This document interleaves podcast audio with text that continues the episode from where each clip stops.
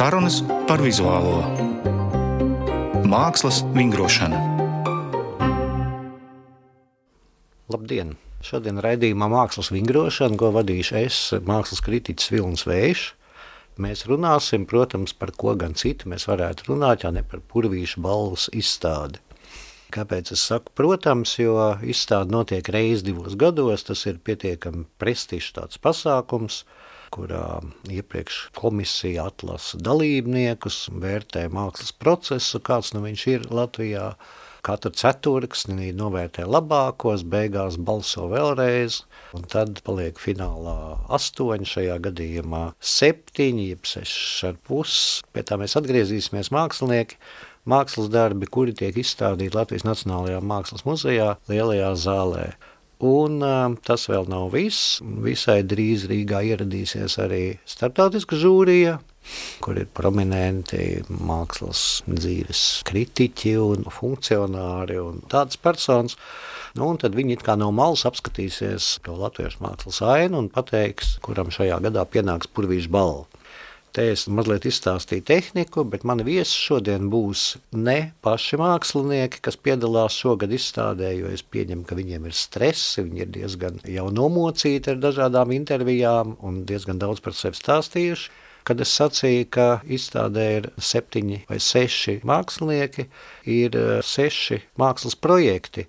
Vienu no tiem ir veidojusi grupa Evita Vasiljeva un Kaspars Groševs, tāpēc fiziski mākslinieki ir septiņi.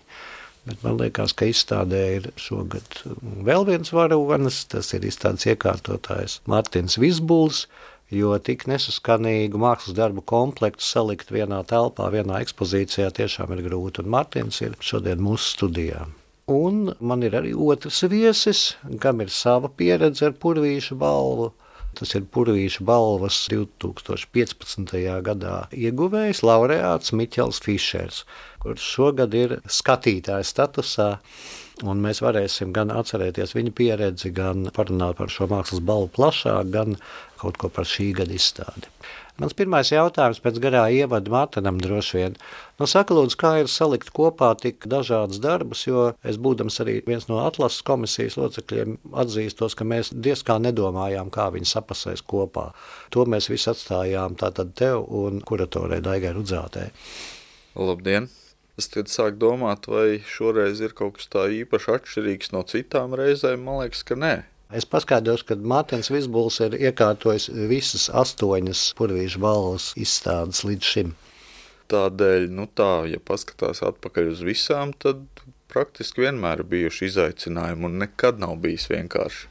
Pirmais jau ir tas, ka tās ekspozīcijas un šie darbi netiek eksponēti pilnā apjomā, kā tas ir bijis nominācijas brīdī, tajās viņu izstādēs, par kurām viņi ir izvēlēti. Un daudzas no viņām pat ir diezgan apjomīgas, ar daudz darbiem, plašas un ļoti bieži arī, latviešu sakot, īpašas vietai, jeb angliski tas būtu site specific, piesaistīts tai vietai, kurās viņas ir eksponētas. Un tas ir parasti visgrūtāk pārnest šādu situāciju tādā muzeja situācijā, kur ir baltas sienas. Tā tad kaut kas ir jāatmet, vai jūs to darat kopā ar? Praktiski vienmēr tiek kaut kas atmests. Nu, tādās lielākos projektos, ja nav runa par maziem, kompaktiem, vienkāršiem gadījumiem, tad jā, tiekamies ar māksliniekiem, pārunājam, no kā varētu atteikties, ko mākslinieki varētu, nu, kas viņiem ir svarīgs. Un tad, principā, jau tā ekspozīcija vienmēr notiek sarunā ar mākslinieku pašu. Tas nekad Nav bijis tā, ka mēs pieņemam lēmumu un būs tā, nu, ka mums mm -hmm. tādam māksliniekam faktu priekšā. Nu, mums, protams, interesē, vai izceļas arī domstarpības un strīdi. Es teiktu, ka nē, drīzāk. Domstarpības var būt, bet vienmēr atrodam kompromisu. Tā ka būtu asas sarunas un doma apmaiņas nekad nav bijis. Miķel, tu esi redzējis šī gada izstādi, kāds tev bija kopējais iespējas un tieši varbūt par iekārtojumu un darbu savstarpējo saskanību? Labdien! Jā, mani komplimenti Martinam. Man šķiet, izstāde bija iekārtota nevainojami, ņemot vērā tiešām, ko tu teici, ka darbi ir ļoti dažādi un nesaderīgi, un katrs ir savai vietai bijis piemērots.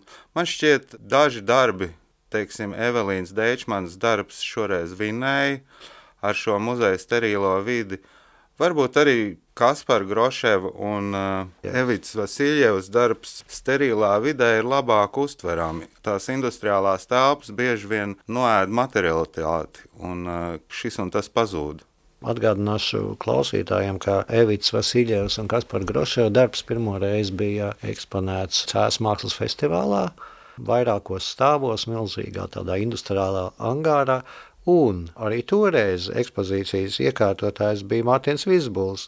Kas, piemēram, ar šādu vienu darbu piemēru, ko mēs varam paskaidrot, kas mainījies tagad? Nu, tas arī ir viens no tiem gadījumiem, kad ekspozīcija ir liela mēroga, nu, mm -hmm. diezgan apjomīga, plaša, plašās telpās. Un kaut kādā ziņā tomēr arī atkal ir tas gadījums īpaši tai vietai, radīt tai vietai, un ko Miķels teica par sterilitāti, tur atkal māksliniecei likās simpātiski tā industriālā vide, tas, kas parādās betona darbos, tieši betona armējums un tās konstrukcijas, tā koķetēja ar to vietu, ar to vidi, kur bija cēsīs, kāda atkal nav muzejā. Bet nu, tur var skatīties dažādi droši vien uz to. Tīri tehniski saka, lūdzu, vai Evita šīs piramīdas betona lēja no jauna, jeb tās ir vestas no kaut kurienes? Tās ir diezgan komplicētā veidā pārvietotas no cēsīm. Tad tas ir arī diezgan smags pasākums kopā. Miķels, atceros, ka tu tika izvirzīts Purvīšu balvai savā laikā par, jāsaka, vienu no taviem darbiem, kas tagad jau ir jau, jau kļuvuši tādi visplašāk pazīstamie tavi darbi par darbu sēriju Netaisnība, kas bija pirms balvas saņemšanas, bija izstādīts medicīnas vēstures muzejā. Vai arī toreiz tiem darbiem nāca par labu pārcelšanu sterilā vidē? Nu, man liekas, ka ne vinnēji tie darbi, ne zaudēji, jo man ļoti patīk medicīnas muzeja atmosfēra, kas saskanēja ar to tēmu. Turpat tā arī bija tās pie ieejas stēles, ko es izmantoju, eksponējot kogriezumus, atdarinot šīs stēles putuplastā nosacīti. Arsenālā, protams, tas izstījās savādāk, bet uh, man šķiet, izstījās tikpat labi. Jā, patiešām toreiz šī izstāde notika izstādes zālē Arsenāls, kas šobrīd ir slēgta un pagalām. Nu, protams, ka Mākslas muzeja lielā plašā apakšstāvā zāle ir ideāla vieta grupas izstādēm. Man, piemēram, interesēja, kā jūs izvēlējāties, ja pārsteidza lielākos, apjomīgākos darbus likt nevis lielākajā telpā, bet tieši divās atsevišķās telpās blakus galvenajai zālē, teiksim tā. Tur bija savi apsvērumi, kurus noteica pašas telpas un telpu specifika muzeja. Piemēram, tā telpa ar mm -hmm. virsgaismu. Viņai ir sava specifika, ka šīs konstrukcijas neaiztur mitrumu un teku. Tik praktiski. Tad, jā, tas tik vienkārši. Un tad ir jāpaprasa, kurš mākslinieks ir ar mieru, ka uz viņa darbiem tecēs lietus ūdens, kurš ir sajaucies ar izolācijas ķīmiju. Nu, kurš neiebilst, tad to mēs ar tur izvietojam. Viļķeli, vai tu vari mums pastāstīt ar, vēl kādiem izaicinājumiem ir jāsatiekas māksliniekam, kad viņš tiek no personāla izstādes pārvirzīts uz Purvīšu balvas laureātu izstādi? Nu, laikam galvenais izaicinājums ir, ja izstādē ir skaņa, kā to atrisināt, lai šī skaņa netraucē pārējiem darbiem. Tāpat varētu būt gaisma. Pārējo jau nav iespējams pārnest precīzi telpu. Nu, šīs divas lietas, laikam, ir galvenās. Šis tās toreizējais uzvarētāja darbs ir pēc tam ceļojis diezgan daudz, manuprāt. O jā, viņš ir bijis gan Helsinkos, kabeļu fabrikas izstāžu zālē, gan Maskavā, galerijā Triumfs. Es pat visu uzreiz neatceros, šur un tur. Taču Venecija. Venecijā bija citi kogriezumi. Tā bija jau jaunā kogriezuma sērija, ko es rādīju Venecijā.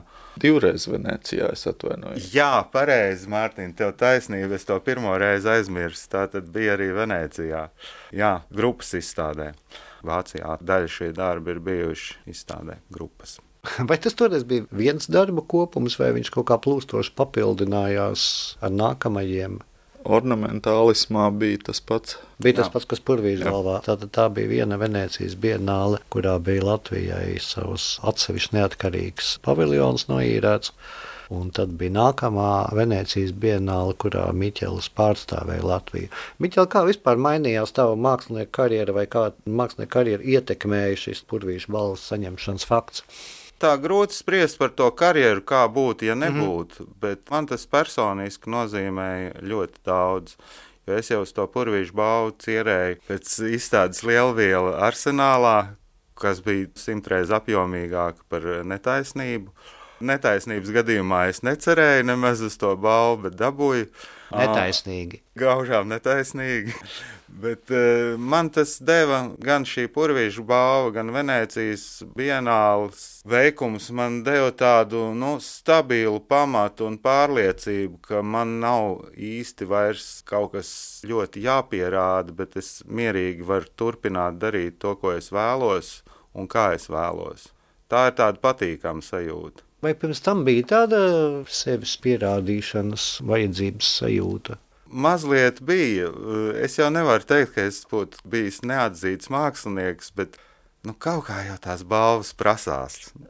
Un atzinību tādu īpašu. Un, kad tu viņus saņem, tad ir tāds prieks un gandarījums, un tas sajūt ļoti labi. Ir.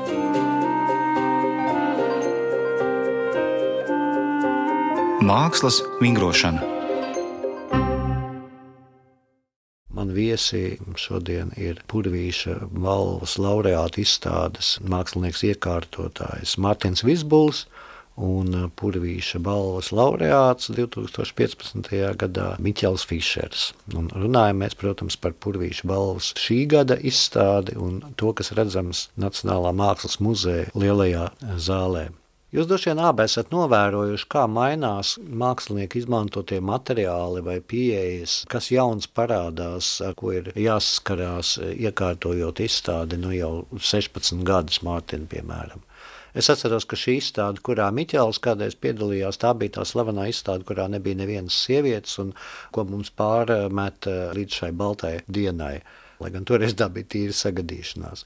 Bet arī nomainās uzvārdi un nomainās droši vien tie mediji un materiāli un risinājumi, kādas mākslinieki izvēlās.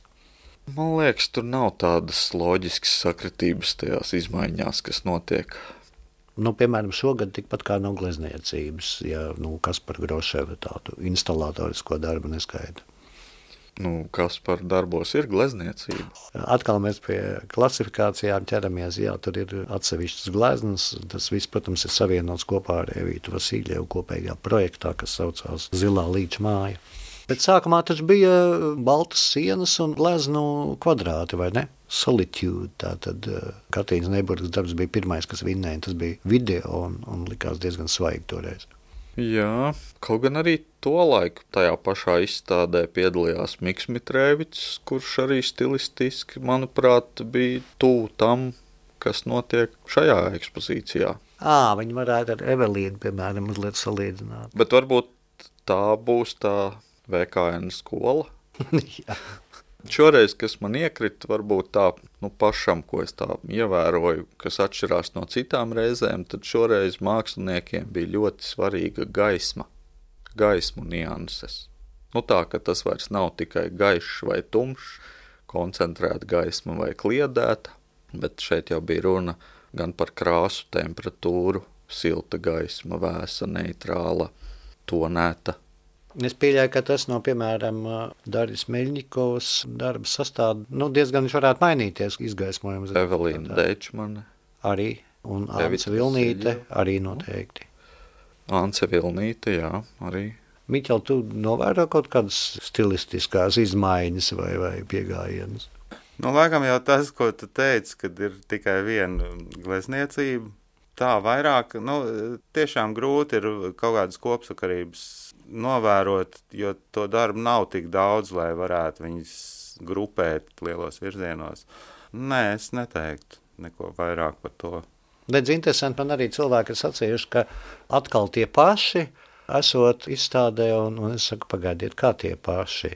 Ir Kristaps Epners, kurš ir tiešām atkārtot izvirzīts balvai ir Kaspars Groševs, kurš arī pagājušo reizi arī bija izvirzīts balvai, un vispārējie mākslinieki ir pirmo reizi. Un tomēr cilvēkiem radās kaut kā tāds iespējas, ka tie ir tie, ko mēs pazīstam. Vai jums bija tāda pārsteiguma šajā izstādē, gan tev, Mārtiņ, gan, gan Miķelim? Laikam nē. Vai tādēļ, ka tu biji jau redzējis visus darbus, vai tas ir kaut kā tāds paredzams pasākums? Man liekas, ka tomēr šajā periodā, par kuru ir nominēta, arī bija tādas diezgan, nu, ne visas, bet daudzas ekspozīcijas bija līdzīgas šim raksturam, kādas tika atlasītas. Man... Tas rāda kopējo temperatūru. Man pat ir prātā vēl daži darbi, kuri netika atlasīti, mm. bet kas arī bija diezgan stilistiski un tehniski līdzīgi kā atlasītie. Miķel, kāds tev bija iespējas salīdzinot ar to, ko tu pieņemsim biji redzējis par šiem diviem gadiem un kas ir izstādīts Purvīšu balvas izstādē? Nu, man, protams, bija pārsteigums tie darbi, ko es nebiju redzējis. Kuri tie bija? Man ļoti uzrunāja Ants Seikens darbs, Jā. kurš izstādes nebija redzējis. Tas man šķita tik emocionāli blīvs un skaists un reizēs skumjš, bet gaišs darbs. Tas man būtu kaut kas, ko es ne, ne, nezināju un negaidīju. Droši vien līdzīgi varētu būt arī skatītājiem, jo Ance, toreiz Vilnīte, tagad Eikena, arī ir jauna mākslinieca, un šī bija viņas faktiski pirmā lielākā izstāde kas pirmo reizi parādījās mākslas telpā Brīvības ielā, un es pieļauju, ka daudzi turpat neaizgāja, nezināja, neatrada, nepievērs uzmanību. Purvīšu balva, protams, ir iespēja māksliniekam parādīties krietni plašākai publikai un tādā pietiekami prestižā vietā. Ko jūs domājat par Kristapa Epnera darbu? Mēs jau tik labi pazīstam viņa rokrakstu. Nu, Kristapa darbi jau balansē uz dokumentālā kino un mākslas video robežas, bet viņš vienmēr nu, spēja nobalansēt tajā mākslas virzienā. Mm -hmm. Un man šķiet, šeit ļoti veiksmīgi bija tas graudu kaudžu izmantojums, kas sasaucās gan ar to Ukraiņas kāru graudu tēmu, gan tā smarža, kas valdīja tajā zonā viņa darba. Tas bija ļoti veiksmīgs risinājums, kas arī viņu nobalansēja tieši tajā mākslas pusē. Mārtiņ, cik es saprotu, tur esot bijis diezgan daudz graudu, kas zālē esot izskatījušies diezgan maz galu galā. Nu, jā, tur kopā ir piecas tonnas. Piecas tonnas? Jā. To es tiešām vizuāli nepateiktu. Kad... Kuras uz paletēm tajos kubikmetrīgajos maisos stikla šķiedras izskatījās ļoti daudz. Bet tad, kad viņas izbēra uz grīdas, tad tas apjoms pilnīgi mistiski samazinājās. Kad viņi tika izbērti, tad Kristaps teica, ka nu, varēja būt divreiz vairāk. Es atceros šo Kristapa darbu arī no festivāla Survival Kit, tur bija tāds iespējas, ka tieši graudi ir ļoti daudz, jo telpas bija mazas, likās, ka pats darbs ir arī iespiests un uz nelielu ekrānu. Un Patiesībā šobrīd uz daudz lielāku ekrānu skatīties ir eh, tīri attēlu veidošanas mākslu, ir tīra bauda. Vai Miķel, tu biji redzējis Daigas Grantiņas izstādi biržā? Nē, nebiju redzējis biržā, es biju redzējis, nu, ne klātienē, bet Venēcijas ekspozīciju. Tā tad nebija. Es domāju, ka tur arī ir atšķirības diezgan liels starp to, kā viņi bija izstādīti um, biržā un kā ir šobrīd. Nu, biržā viennozīmīgi piedalās arhitektūra tajā ekspozīcijā daudz aktīvāk. Šeit mm. tomēr ir balts fons, baltais kups. Un man jau personīgi liekas, ka šie darbi izskatās labāk, ka netraucē arhitektūra. Tagad labāk netraucējam? Jā, man tā šķiet. Bet es runāju arī ar mākslinieci. Mākslinieci teica, ka viņai patīk, kā viņa sadarbojas šie darbi ar arhitektūru un kā notiek šī kopspēle. Arī līdzīgs stāsts kā ar eh, Evītas Vasiljevas tām betonu piramīdām. Mākslinieks uzskata, ka vide palīdz, un tad kāds ar citu aci saka, ka nē, labāk tomēr šīs baltās sienas. Biržā tiešām bija iespējas tāds, ka grāmatiņas tie ažūrie darbi, kuriem cauri spīd fons, jebkurā gadījumā tas fons bija ļoti aktīvs. Un citi darbi bija redzami cauri tuvāk esošiem darbiem, un, un tā atmosfēra bija pilnīgi cita. Un varbūt, kad domājot par šo mākslinieku komplektu, vai būtu vajadzīgas vienmēr uzpeld šis jautājums kaut kādas izmaiņas tajā izvirzīšanā, skaitā, balvu daudzumā, dzimumu dalījumā, lai gan nu pat jau ir eh, vajadzētu būt tā kā kārtībā. Kādas pārdomas eh, raisa, teiksim, nu, atnākot un kārtējo reizi pēc diviem gadiem redzot šādu pārskatu izstādi? Nu, es domāju, nepaies nemaz daudz gadu, ka mums pārmetīs, kad uh, purvīšu balvai nav izvirzīti mākslinieki ar citādas krāsu un mm. citu dzimumu, mm. izņemot vīriešu un sieviešu. Nu, to es tā mazliet ironizēju.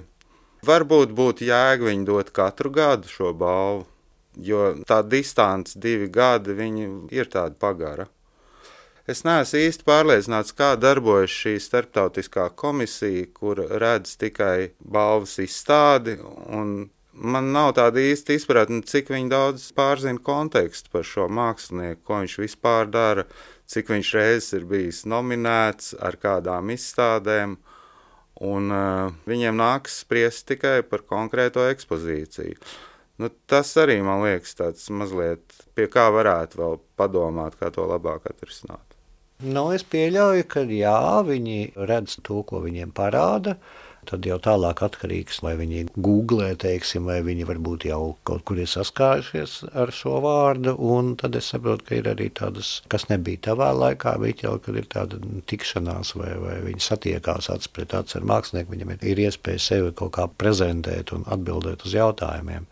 Kas man liekas labs ievedums, jo patiešām, varbūt noliekot priekšā vienu darbu, varētu būt atnācējiem no kosmosa sarežģīti saprast, kas tas ir un kādā sakarā. Varbūt no tavas ilgadīgās pieredzes, Mārtiņ, vai jau būtu kaut kādas korekcijas ierosināmas? Man liekas, tas skaits seši priekš esošajām telpām ir ļoti labs. Jo par to bija diskusijas, bija kā žēl, ka nav vairāk. Mm, jā, bet esošajās telpās izlikt vairāk vēl ir ļoti grūti. Jo, nu tā, ja paskatāmies, tad ir divas mazas atsevišķas telpiņas un viena liela. Nu, es neteiktu, ka tās ir mazas telpiņas, tās ir diezgan prāvas. Jā, bet, ja ņem vērā, ka viņas ir caurstaigājamas, tad kaut kādu daļu paņem loģistikas zona, un tad jau viņas vairs nemaz tik lielas nav. Un tā lielā zāle atkal sadalīt viņu vēl uz sešiem. Tad, nu, ja pieņemam, ka divus liekam atsevišķi mazajās zālēs, bet pārējos lielajā, tad ir ļoti grūti. Mm. Domāju, ka visi zaudē. Tad... Vai tavā pieredzē ir bijuši gadījumi, kad mākslinieki nu, kā, ah, būtu gribējies vairāk viņu parādīt, bet nu, nevar?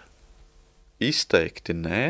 Mm. Varbūt tādā vēlamā formātā ir bijis, bet, godīgi sakot, neko Sliktu neesmu dzirdējis. Man te kaut kad iepriekšējo reizi laikam likās, ka AIS Zariņas darbi varbūt mazliet zaudēja. Lai gan viņiem tāpat bija diezgan daudz telpas, tikai pilnīgi citādāk telpa atvēlēta kopējā izstāžu zālē. Jūs esat centušies maksimāli norobežot šos mākslas darbus vienu no otra. Vai tas ir tā, lai tādu neutralitāti ieturētu vai citu apsvērumu? Uh, nu redz, es atkārtošos, ko es teicu sākumā. Šīs te ekspozīcijas ļoti bieži radās sadarbībā ar māksliniekiem. Uh mhm. -huh. Mēs ar viņiem izrunājam un konstatējam, kā mākslinieks vēlas šo darbu eksponēt.